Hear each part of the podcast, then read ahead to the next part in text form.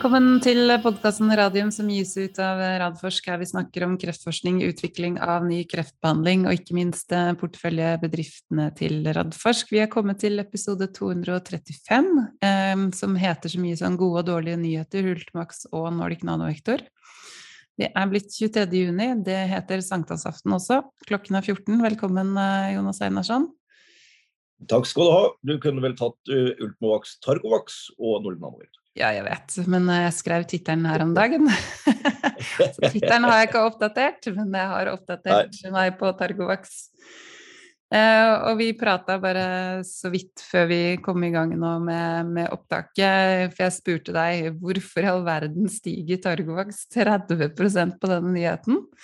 Hvorpå du sa det er bare 30 Nei, hva sa du? 30 øre? 50 øre? Jo, jeg sa det. Det er 30 og 30 øre. Det er en krone. Så, men, men, men allikevel, altså, for all del, det blir positivt mottatt, og det er veldig hyggelig. Det er kjempehyggelig. Eh, en, men si, si, uh, si, hva nyheten er, du, før, før vi Og så kan du si videre. Ja. Nyheten er at Targovax i dag meldte at de har fått en såkalt IND, dvs. Si en igangsettingstillatelse fra ja. FDA om å teste ut eh, TG01, som jo er den KRAS-vaksinen som eh, Targovac har hatt helt fra starten av. Uh, og som er testa ut i bl.a. bukspyttkjertelkreft med bra resultater. Yep. Liten studie, og ble tatt igjen av en en endring i standard of care, så det var jo synd i, i sin tid. Eh, det var synd spesielt fordi at det har vist seg at den nye standard of care ikke er noe bedre enn, en den forrige, og er svært toksisk. Så det var litt uh, synd. Men sånn er det. Så har de da tatt et steg tilbake, som vi har sagt.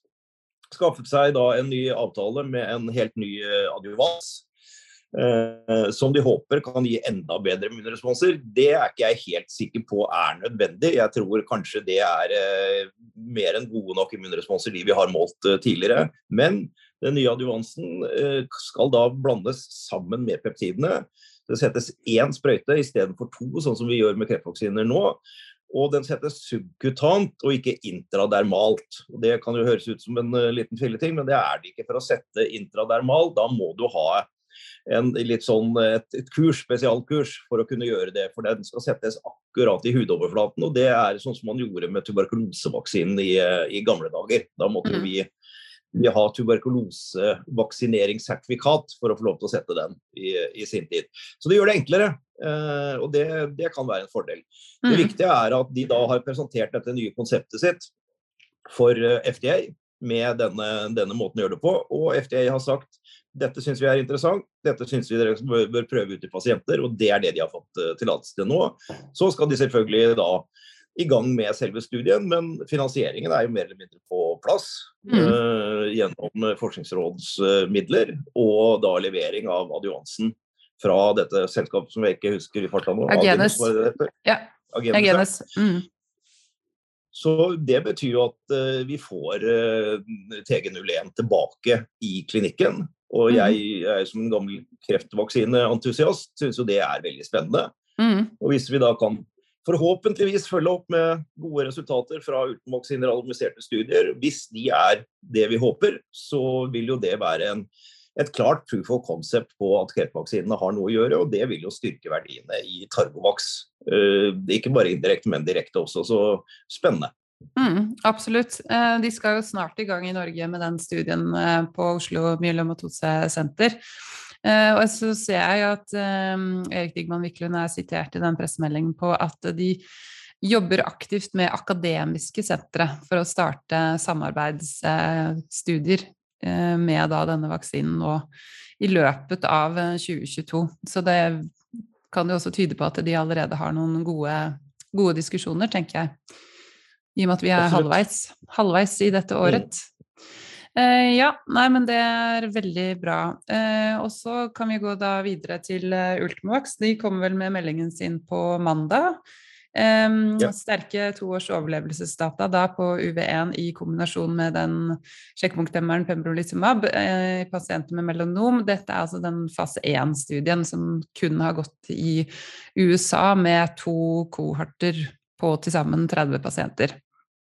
Ja. Eh, og de eh, resultatene var jo kjempe gode, eller lovende skal vi vel egentlig si i denne podkasten, men eh, altså 24 måneders eh, overlevelsesrate på 73% det er jo gode data. Det er, eh, det er, gode data. og Det er klart at det er som du sier, det er få pasienter. og Det man har gjort nå, er at man har plussa på den siste kohorten på de ti pasientene på de to års overlevelsene vi hadde mm. på, på, på 20 pasienter. Og da er den fortsatt da nå oppe i 73% som er noe lavere enn det det var med, med første kohorten. Men igjen, dette er ti pasienter, så én pasient fra eller til svinger mye. ting veldig forsiktig, men, men ja, det, det, viser en konsistens i oppføl, langtidsoppfølgingen på alle fase 1-studiene til Ultimovax. Ja. Som uh, mest uh, ja, det beste vi kan si, er at det, det er positivt at de er eh, så stabile, disse, disse, resultatene. Og det ser ut som vi, vi får denne halen som ligger mm. høyere opp enn man tidligere, som vi er på jakt etter. Så, så, det styrker også litt i troen da, på at det, det kiler litt i magen om dagen da, når det nærmer seg uh, avlesninger både på NIPU og, og Initium-studien, som mm. vi har guidet i første halvår 2023. Ja, og før den tid så kommer de jo da tilbake med tre års eh, overlevelsesdata nettopp fra denne studien på den kohorten på 20 pasienter eh, i fjerde kvartal også. Så det blir jo det spennende å se. For det, dess lengre tida går her, dess lengre, altså tydeligere blir jo denne halen som du snakker om, ikke sant, med disse ja. langtidsoverleverne. Uh, Eh, det her ble også veldig godt eh, mottatt i, mottatt i markedene. Den steg vel aksjen der med 19% tror jeg, på det meste på mandag. Og det også er jo, det er jo veldig hyggelig. Det er jo den type nyheter vi, vi trenger nå. Det er den type nyheter vi trenger nå, for nå skal vi snakke om noen ikke så gode nyheter. Ja, og det var, en, det var broa over til de ikke så veldig gode nyhetene som eh, kom fra Nordic Nanovektor. Når var det? 17.31 tirsdag, tirsdag ettermiddag, altså ett minutt etter eh, børsslutt. Neppe tilfeldig, den, eh, den timingen der. Um, og jeg tror jo det kanskje var særlig én setning som i hvert fall fikk meg til å stoppe opp, og sikkert en del andre også i pressemeldingen, uh, hvor de skriver da på engelsk While uh, betalutin showed signs of efficacy in this uh, frail, elderly and difficult to treat patient population, the independent expert panel reported that the efficacy data are less promising than the data reported from the phase 2A limit 37 trial. Ai, ai, ai. Eller ouch, som jeg så en skrev på Twitter. ja, nei, hvor, var, skal vi, hvor skal vi starte? Nei, Jeg syns vi på en måte kan starte med selve studien. Eh, og i ettertid så må man jo gå tilbake og analysere, og ikke minst siden vi har ambisjoner om å forhåpentligvis være med å utvikle flere kreftlegemidler, så må vi jo si at nå, nå, nå er jo ikke altså, The jury is still out, som du sier på godt norsk. Absolutt. Eh, vi vet jo ikke hvor dette ender, ikke... ender enda. Nei. Men, men eh, allikevel, altså det er var det riktig å starte med en, eh, denne studien som egentlig en dose finding study? Var, var det riktig? Eh, skulle den vært designet på en annen måte, hvor man faktisk hadde hatt den kontrollgruppa, altså at den, eh, at den var randomisert, hvilket den jo da ikke er. Eh, når de sier 'less promising', hva, hva betyr det mm. i, i, effekt? Hva sammenligner de med? Her sammenligner de med sin egen tidligere studie. Eh, som er litt snålt, egentlig. Eh, det er jo sammenligning opp mot dagens behandling og, og disse, disse, andre preparatene som brukes eh, for denne sykdommen. og de må jo ha en effekt som tilsvarer den effekten som er i dag. Da kan de komme opp med argumentene sine om compliance og engangsbehandling og en veldig bra og Det, det bekrefter jo at de fortsatt har, har en veldig god bivirkningsprofil. Mm.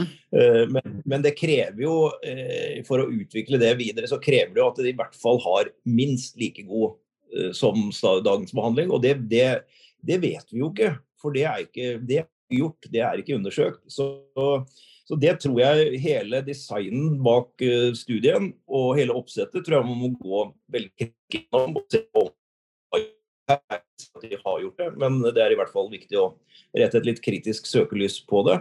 Kan jeg bare si én ting der? De, kunne de ikke også på en måte fordi nå er jo kliniske studier blitt så dynamiske, burde de ikke også kanskje tatt inn en arm med rituximab, som de nettopp også har sett så gode synergier på? Hadde ikke det også vært en det, mulighet? Det hadde vært mulig nettopp fordi at de kunne egentlig gjøre som de ville med denne studien, i og med at mm -hmm. de har valgt å, å, kjøre den som en uh, åpen studie. Og om man da kanskje allerede for noen år siden skulle kanskje stoppet opp denne og gått for den kombinasjonsbehandlingen, det, det, det har ikke jeg svaret på, men Nei. det er ting man bør gjøre. Og så er det en annen ting som vi aldri har fått svaret på heller, og det er hvorfor stoppet denne studien opp? Uh, altså det, og den gjorde, den har jo det. Altså den, de ja, ja. I, I, praksis så har den jo stoppet opp. Uh, og det er før de selv meldte, meddelte at det ikke, ikke var så, så, gode data som de hadde, hadde, håpet. Og Det er jeg fortsatt som et helt spørsmålstegn til. Hvor, hvor, hvorfor var det ikke interessant lenger for klinikerne? Så ja, det er pandemi, det er covid-19. Eh, det er alle disse andre tingene. Eh, det er eldre, dårlige pasienter som kanskje har hatt kvidd seg for å reise til sykehuset for å være med i en klinisk studie. Men eh, det er noen dårlige pasienter stort sett i alle studier vi gjør, da, så, så lenge vi er, er i denne sistelinjestudiene, som jo stort sett er. Noen av de beveger seg litt mer mot, mot andre linje, men Eh, men hvorfor dette da stoppet helt opp, mens vi jo ser i en del andre studier skal det sies at PCI hadde også store problemer før de stoppet sin studie, men de hadde også en kraftig økning i eh, inkluderingen før, like før de stoppet. Mm. Eh, så, så det, er en, det, er en, del spørsmål rundt dette som jeg, som jeg stiller, stiller spørsmål ved. Og så er det jo fint da at de i hvert fall ikke har konkludert med at resultatene er eh, så dårlige at de stopper studien. For det, det ville de jo garantert gjort. Øh, og, og, bare trukket i, i, snora hvis det virkelig hadde vært dårlige resultater. Så det, det, kan det ikke være. Så vi har ikke fremragende resultater. altså en på Tekkenresor skrev veldig, veldig bra om det. så at, altså, Enten så kunne de fått fremragende resultater og gått til FDA og søkt om en uh, accelerated approval. Eller så hadde de fått så dårlige effekter at de trakk i snora og stoppa mm. studien. Ja, Ingen så det er liksom ja. Men uh, Et eller annet sted mellom. Ikke sant. Også, men da, det jeg lurer på nå, fordi nå er det jo en sånn uavhengig ekspertkomité som har vært inne og kikka på dataene. Hva får ledelsen i Nordic, altså både da management og styre, vite og se av de dataene? Hvordan er den hvordan, er liksom, for dette, dette her skal man jo egentlig ikke vite før de har uh, innrullert. Hadde det vært uh, randomisert studie, så hadde studiene vært blåst. Mm. Da, hadde, da, da, da, hadde det ikke vært noen vits i å fortsette i det, i det hele tatt. For da, måtte man ta de dataene som var, fordi at det påvirker jo med en gang når du åpner kodene. Men siden det ikke, ikke, er randomisert, så sånn jeg forstår det, så har de nå denne uavhengige komiteen som bare gir denne meldingen som er gitt nå.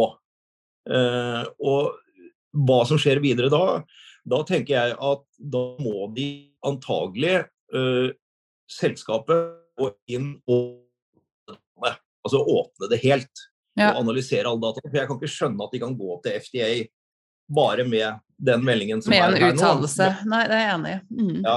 Ja. Men det, det, det, jeg vet ikke det, og vi får jo ikke noe svar på det heller. Vi Nei. får jo ikke noen og der tror jeg vi også er, er vi litt kritiske. Der, liksom, men av og til er det på sin plass. Altså, jeg, jeg er ikke fornøyd med den kommunikasjonen. Uh, den meldingen her var, er vanskelig å tyde. Den skaper en masse spekulasjoner. Og så er det radiostillhet til, eh, til uh, august. Uh, akkurat det spørsmålet du stilte meg nå, det burde vi kunne få lov til å stille. Hva, hva ja. gjør dere med dataene nå? Går dere inn og ser på alle dataene? Er det, er det denne independent-komiteen som skal snakke med FDA, eller er det dere? Og ja, å få svar på en del av disse spørsmålene syns jeg hadde vært rimelig for, for ganske så slitne aksjonærer. Jeg har notert meg et punkt om dette med kommunikasjon. Apropos. Jeg også syns det er utrolig ugreit at ikke de berammer en webkast når de kommer med en så dramatisk melding som er så kortfatta, men likevel eh, så eh, åpen for spekulasjoner i alle muligheter. Og det, og det som nettopp du sier, aksjonærene er jo slitne. Eh, aksjonærene var også med å gi selskapet tillit og 250 millioner kroner eh, i mars. Det er ikke så lenge siden. Her har det på en måte skjedd såpass mye. Og så på en måte og vi fikk jo en melding for ikke så lenge siden om at de skulle, altså den ekspertkomiteen skulle komme inn. og Da ble man lovet en oppdatering i forbindelse med Q2 i 20. juli. Og så kommer denne meldingen nå om at det kanskje ikke er så lovende, men man skal snakke med FDA, og kommer trolig med en oppdatering i august, og de avlyser Q2. Um, sånn at per nå så, så, sier de jo at vi kanskje snakker med dere i august, men vi gjør det kanskje ikke. Men vi kommer ikke til å snakke med dere.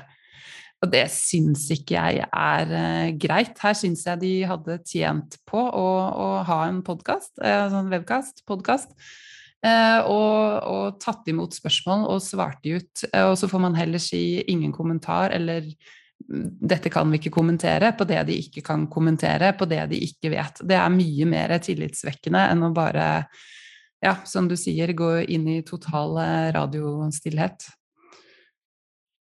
Det er aldri en god løsning, mener jeg. Da, det, det, man, må, man, må, kommunisere også i, eh, i dårlige tider. Og mm -hmm. som jeg sier, det er eh, det, det, det, det, vanlige er jo at hvis man ikke får de resultatene man ønsker seg fra en studie La oss si at det var en randomisert studie, og så får man en hazard ratio, eller det man måler på da, som er eh, sånn eh, greit, men ikke helt overbevisende. Eh, da går man jo inn og begynner å analysere er det noen subgrupper her som har veldig gode resultater, mens det er helt tydelig at en annen subgruppe har veldig dårlige resultater. Kan man da tenke seg å kjøre videre med denne subgruppen? Mm. Det er jo sånn som, sånn som skjer. Et eksempel på det langt tilbake i tid er jo den første kreftvaksinen vi utviklet, altså forløperen til uh, eh, UV1. Mm. Uh, som i, i, sin tid Ja, Genvax, mm. som havnet i, i Sør-Korea. Mm. Uh, de fikk jo nettopp denne type resultater på sin studie der. Og de gjorde en analyse av subgrupper. Og endte opp med å få den godkjent i Sør-Korea for en subgruppe. Ja. Så det er liksom Det, det, er, det er, mulig, men, men vi vet jo ingenting. Nei, og Det er nettopp derfor du og jeg sitter her og spekulerer. Og det vil jeg tro at det er veldig ja. mange aksjonærer som gjør på ymse forum. Og vi har jo også fått inn eh, en del spørsmål. Jeg vet ikke om det er noe annet vi skal si ja, før vi går over til de spørsmålene? Nei, jeg tror Nei. Vi, det, vi, vi, vi har sagt nok. Jeg har ikke mer å si. Ja. Jo, jeg hadde lyst til å nevne én ting til. Altså selvfølgelig, De blir jo straffa av markedet. De gikk jo ned 60% da på onsdagen når børsen åpnet. Mm. De stengte vel også handlingen der en periode, tror jeg. Um, og de har vel gått ytterligere ned etter det også. Og det som også er verdt å merke seg, kanskje, er jo nettopp at uh, analytikerne nå er jo også veldig skeptiske. Um. Jeg tror det, var, jeg tror det er DNB Markets hvor de, hvor de har sitert på at svak effekt fra paradigmestudien var verste type nyhet i markedet kunne få fra Nordic Nanovektor nå. Så det Ja. Sånn, sånn, er det. Eh, da går vi over til spørsmålene. Eh, vi kan begynne med det, det første. Alle lurer på om dette er over og ut for Nordic Nanovektor, eller om det er håp i hengende snøre? Det er absolutt håp i hengende snøre. Altså, vi, vi, har jo også denne, denne kombinasjonsmuligheten, og det er en, er en pipeline der. Men eh, det, det, dette kan være slutten på LID-produktet eh, som en monoterapi. Det kan det, men det vet vi ikke. Eh, men skulle det være det, så betyr det ikke at ikke hele selveste ideen fra Roy Larsen i sin tid er aldeles gnistrende. Uh, spørsmålet er hvordan man skal bruke det. og da kan man jo og så kommer både kombinasjonsbehandling, og så har du dette med å humanisere dette antistoffet. altså Sånn at du da kan gi det flere ganger. Eh, i, dag er det jo et såkalt museantistoff som du da bare i utgangspunktet skal gi én gang. fordi gir du flere ganger, så kan du få allergiske reaksjoner. Eh, det kan en vei å gå. Og så da kombinasjonen, som, som sagt. så men det, men det, betyr at man i så fall liksom må ta, gå, gå, fra å vente på noen resultater man trodde kanskje kunne føre til, til, eh, mot en registreringsstudie, til å gå tilbake til å kjøre noen fase to randomiserte studier, kanskje på størrelsesorden 100-150 pasienter.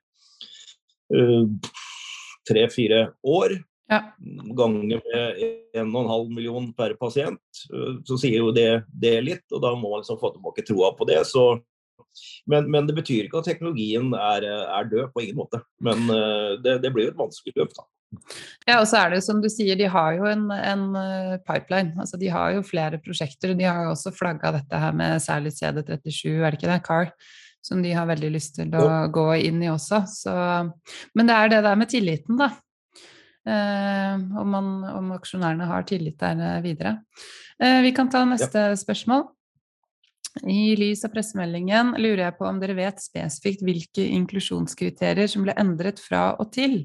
Spørsmålet er jo om mer liberale kriterier har ført til inklusjon av dårligere pasienter slash flere linjer, som kan være årsak til flere dårligere respondenter.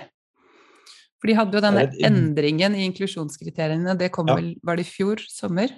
Husker jeg riktig? Ja, jeg tror det. Ja. Det var bl.a. dette med at de som hadde vært gjennom stamcellebehandling ja, De kunne bli inkludert. Det, ja, det der er et veldig, veldig godt spørsmål. Jeg har ikke svaret på det. Men det er jo en av de tinga de bør, eh, må analysere på. Mm. Det ville i hvert fall jeg gjort. Jeg ville gått, inn og sett på pasientene før endringer i inklusjonskriterier og resultater, og plukket ut noen pasienter der som jeg kunne prøve å finne mest mulig like på den andre siden, men med da den tilleggs, eventuelt uh, til, til, tilleggskomplikasjonen da, som de nå da har tillatt. Og om det da går dårligere med de. Men, uh, men svaret på det, det, det, det, det har vi ikke. Nei. Uh, neste spørsmål. Er det noen mulighet for at Nordic blir kjøpt opp, og hva kan det tenkes å være verdi, altså hva kan verdisettingen da i så fall være? Samt hvilke Nei, samt hva vil investorer sitte igjen med per aksje, tror dere? Ja, da var det den, da mista krystallkula mi, så det er litt vanskelig å svare helt konkret. Ja da, det, det, det, er, det er ikke så lett. Nei, det er en mulighet for de kan bli, kan bli kjøpt opp. Mm. Og det er klart at et selskap, uh, hvis det er uh, et Big Pharma og, og altså Radiofarmaka er hot for tiden, virkelig. og hvis da et av de store som da, da virkelig går Bayer, Novartis eh, med flere, ser er en mulighet til å plukke opp eh, noe som vi absolutt kan få bruk for for en svært billig penge. For dessverre, det blir en svært billig penge. Mm. Hvilket handlingskort har Nordic Nanovektor når de skal uh, handle? Uh, de har ikke økonomi, de har en kjempehøy burn rate, mm. og de har noen resultater som de ikke kan slå i bordet med. Så jeg tror ikke man skal forvente seg noen store tall på det. Eh, hva det blir, det er helt umulig for meg å si. Men, eh, men eh, hvis, det, hvis, det, blir, så, så da har jeg ikke noe tro på noe stor deal. Mm. Neste spørsmål. Det er vel ikke noe sjokk at studien drar ut, men ordlyden 'less promising' uten forklaring på hva gjennomgangen har vist, var vel på grensen til unødvendig. Men sammenlignet med data fra fase 2-studien, hvor bra dårlig tror dere data nå kan være? Og er det nok å slå i bordet med til FDA, eller er dette kroken på døra? Vi har vel vært egentlig gjennom det spørsmålet mer eller mindre. Jeg vet ikke om du har noe å tilføre der? Jeg. Nei, altså jeg, jeg vil, vil, vil, si at uh, dette med pasientcompliance og safety, det har, de, det har de på en måte uh, to streker under svaret. Det er bra. Ja. Det betyr at effekten må, i mine øyne, må den være minst like god som det som brukes i dag. Mm. Yes, neste spørsmål. Eh, etter ca. 50 eh, pasienter var tilbakemeldingen fra Nordic at interim var extremely encouraging, altså veldig lovende. Nå etter ca. 58 pasienter til, så settes det spørsmålstegn til hele paradigmet. Har Nano bevisst svindlet sine aksjonærer ved å gi falske forhåpninger, samtidig som ledelsen har nytt svært godt Nei, har nytt godt av svært lukrative avtaler om lønn og godtgjørelse? Nei, det har jeg ingen tro på. Nei. Jeg tror at det har vært ærlige og redelige mennesker der som i alle våre andre selskaper som har utviklet dette så, så godt de overhodet kan. Det kan godt være de har gjort feil, men uh, å bruke sånne ord og uttrykk, det har jeg ikke noe særlig sansen for. Eh, neste spørsmål. Vil Radforsk nå revurdere sin strategi i forhold til hvordan eierandeler i Radforsk-porteføljen forvaltes? F.eks. For kunne man ved å rebalansere eierandeler frigjort store midler i f.eks. Nycode, som kunne hjulpet enormt på selskaper som Targoax og PCI, som nå står helt på bar bakke etter mislykkede strategier? Vår filosofi er at vi går inn veldig tidlig. Vi bygger opp selskapene i, sammen med gründere og oppfinnere. Og våre relativt beskjedne midler som vi setter inn da, er veldig utløsende i de tidligere fasene. Eh, og når det kommer til, eh, til, de store emisjoner senere, så er jo vår filosofi hele tiden vært at vi bare må finne oss i at vi blir bannet ut øh, etter hvert. Og det, Det er greit for, for Radforsk. Vi er et uh, eviggrønt uh, selskap. Vi er jo Fram til nå så har vi vært mer eller mindre fullinvestert til enhver tid. Uh, har vi fått frigjort noen midler? Vi solgte Onkoimmunity bl.a. for noen år siden. De midlene er allerede investert i, reinvestert i nye selskaper og følge opp uh, emisjoner. Eh, så vurderer vi hele tiden om vi kan gjøre realiseringer. Vi har realisert 175 millioner i Fotokur opp gjennom eh, alle år. Er fortsatt en av de største aksjonærene der. Det har vi tima sånn at det aldri har gått utover selskapet eller aksjekursen.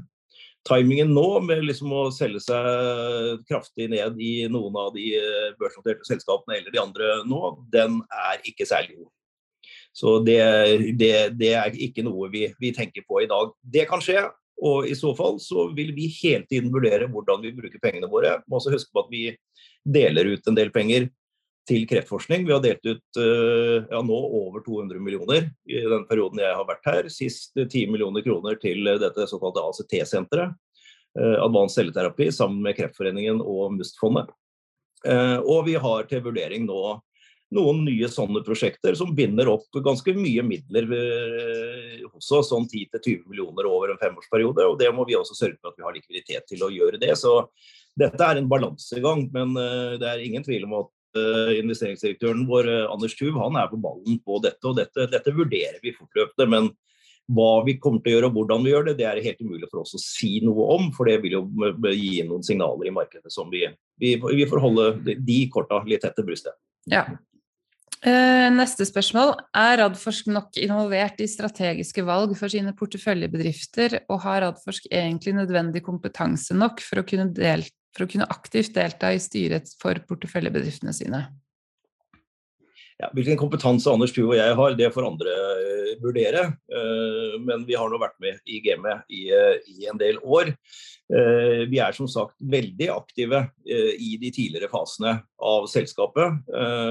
Tidligere var vår filosofi at vi gikk ut, til og med gjorde exit eh, og gikk ut av styrer eh, når selskapene ble nærmet seg eller gikk til eh, børsnotering. Med Algeta så solgte vi oss ut ved børsnotering, hvilket jeg da har til den dag i dag angret på. 40 kroner aksjen og ikke 340, så det var en, det var en feilberegning. Eh, og i Nordic Nanovektor satt jeg i styret fra vi stifta det til eh, det gikk eh, til børs. Og da gikk jeg ut av styret. Det var sånn som vi gjorde det da. 2015, og, var det ikke det? Var ikke da det gikk på børs? Jo. Mm. Så det begynner å bli sju år siden. Ja.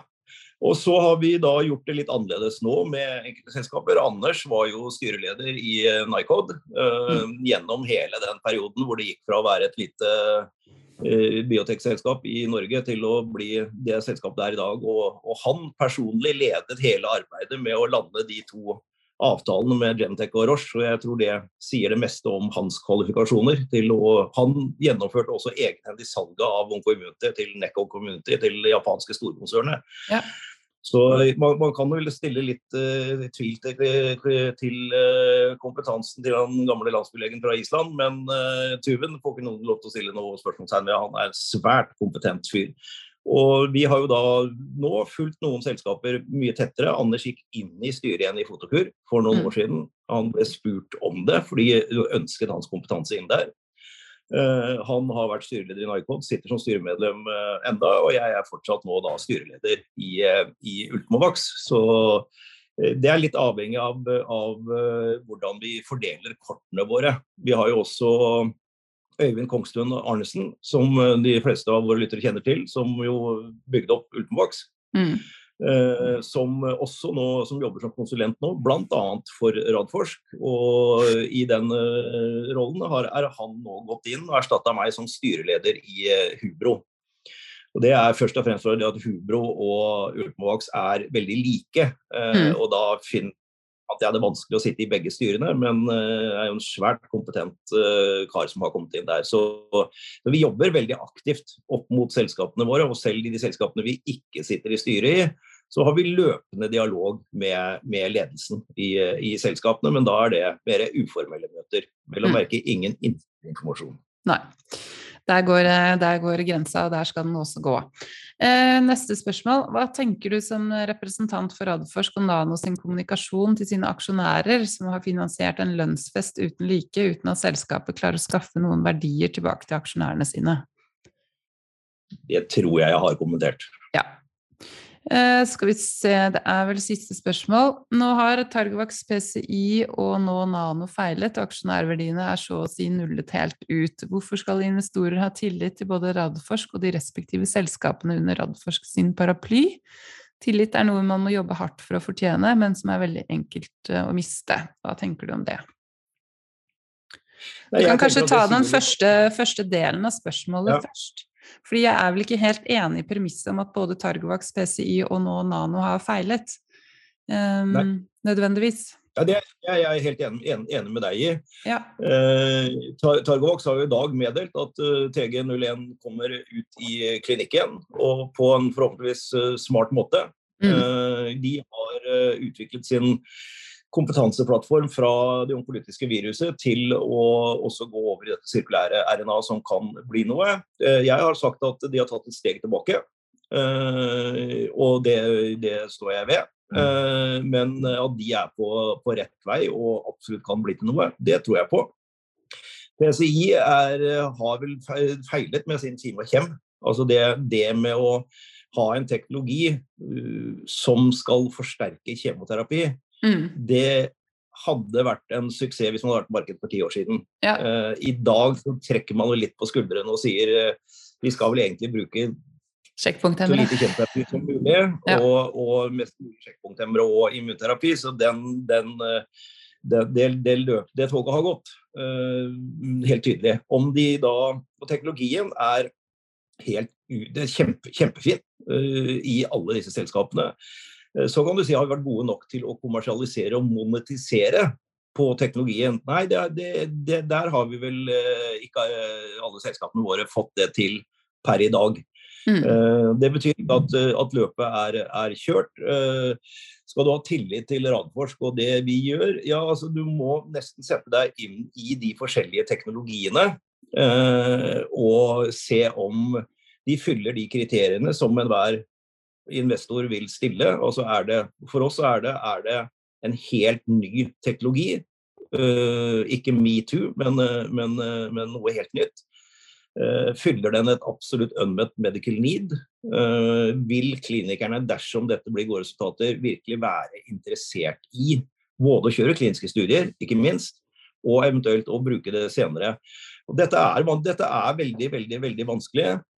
Veldig eh, komplisert. Ja, og det er jo veldig lange tidslinjer også. Det, og det man kanskje ser da, i både Targovax og PCI, er jo på en måte at mens en idé og en, en klinisk studie som virket veldig fornuftig, eh, endrer seg over tid, og, og det kommer inn andre andre altså komponenter og andre terapier. Um, og det er ikke alltid like lett å se. Da er man i den der berømmelige krystallkula. Og det gjelder jo ikke bare Radforsk sine selskaper, dette her gjelder jo biotek generelt. Nettopp fordi det er et så kompetitivt felt innenfor onkologi eh, i hele verden. Ja, og Det er en grunn til at uh, disse analytikerne opererer med sin uh, likelihood of approval, altså sannsynligheten for at det kommer ut på markedet. Uh, og når man investerer, i hvert fall vi investerer i disse selskapene, så opererer de vel med en sånn 5-6-7 likelihood of, of, approval før vi får kliniske data. Uh, og Det betyr det er risikoen. Mm. Uh, det er risikoen man tar. Det, er, det har jeg sagt gjentatte ganger. Det er high risk, det er high ja. reward. Vi ser at man virkelig kan og, og i, i, forhold til antall selskaper, i hvert fall jeg har vært med på å sette opp gjennom disse 20 årene, så, så langt så vil jeg jo si at uh, utviklingen og uh, det vi har fått til, uh, er slett ikke gærent i forhold til å se om man har en portefølje av noe så vanskelig som onkologiske kreftlegemidler. Mm. Så den, den, man må vite hvilken, hvilken eh, risiko man, eh, man, tar. Eh, så jeg kan ikke se at vi har utviklet så langt, satset på noen teknologier som har vært feil å, å satse på. Så igjen tilbake, har vi vært flinke nok til å montisere, har vi vært flinke nok til å kommersialisere? Det kan godt være at vi fortsatt har mye å lære der. Mm. Når, det, gjelder det med tillit, da, for det, bare for å kommentere det, altså, det er jo noe som vi tar uh, veldig alvorlig, det, det, med tillit. Og det er jo også en av grunnene til at uh, du har innført at ingen ansatte i Radforsk eller konsulenter, sånn som jeg er da, får lov til å eie aksjer i selskapene. Og det går jo nettopp på det med tilliten. Vi er jo også veldig klare på i denne podkasten på hva vi vet og ikke vet. Altså du sier jo fra når du Her er du styreleder f.eks. i Ultimax. Da, da, ligger det i kortene at da vet du ting som du ikke kan si. For det blir jo da brudd på, på innsideregelverket. Eh, og så er det jo andre steder hvor man ikke vet noen ting, men likevel kan spekulere ut fra at man har en, har en erfaring, men ikke nødvendigvis har den innsikten. Um, så jeg tenker det der med Jeg er helt enig i at tillit er noe, noe man må jobbe for og er veldig lett å miste. Ref det vi snakket om med kommunikasjonen til, til Nordic her. Men jeg tror det er veldig viktig å si eh, at eh, det er jo noe vi tar veldig alvorlig også. Men, men biotek er uh, høy risiko. Jeg husker vi snakket med, med Per Valdai, altså tidligere CEO i PCI, etter at uh, de måtte stoppe sin release-studie, hvor han hadde blitt kontaktet av folk som hadde mistet mye penger. Og som han sier, han sa det er jo helt forferdelig å, å høre det. Men altså, når det gjelder biotek, så kan du ikke bruke penger du ikke har råd til å tape. Det er så enkelt som det, for det er så kompliserte og lange tidsligner, og det er uh, det, det, skjer ting fra fase 1, fase 2 til fase 3. Og selv når du har fått et eh, godkjent eh, legemiddel, så er det jo ikke sikkert at det lykkes i markedet. Det er jo et kjempesteg der også, som man må huske å ta med i regnestykket. Ja, da, det, er, det, er, det absolutt. Det er på en måte to måter å investere i eh, den, denne sektoren på. Det ene er sånn som vi gjør. Vi går inn veldig veldig tidlig, tar kjemperisiko og blir med til, til det bitre enden, enten til topps eller til bånns. Eller så kan man uh, trene litt på dette her. og Det kan man for så vidt si at vi f.eks. har gjort i, i Fotokur. Her har vi valgt en, en sånn litt uh, hybrid uh, løsning på det. Vi er, har vært kjempelangsiktige. Vi var jo desidert største eier når jeg var med børsnoterte selskapet i mai 2000. Men vi har benyttet oss av gode nyheter, gode markeder og gjøre forsiktige nedsalg. Og og det har vi gjort i flere selskaper. Eh, for vi har måttet frigjøre midler eh, underveis. Og vi har, eh, I de aller fleste selskapene så har vi både investert og solgt litt. Noen ganger investert på en høyere kurs og solgt for en lavere, eller, eller omvendt. Så vi, vi, vi, gjør også det, men, men ikke sånn daytrading. Da. Det er liksom ikke vår, vår greie. Nei. Du, jeg ser tida går. Jeg har en sønn som jeg må hente. Ja. så, så hvis, vi, hvis vi, vi var ferdige med spørsmålet, har vi noen ting på hjertet som vi må si? Eh, vi må si god sommer. Vi hadde jo egentlig tenkt å komme tilbake med Nordic da i, i, juli, men da blir jo ikke det noe av.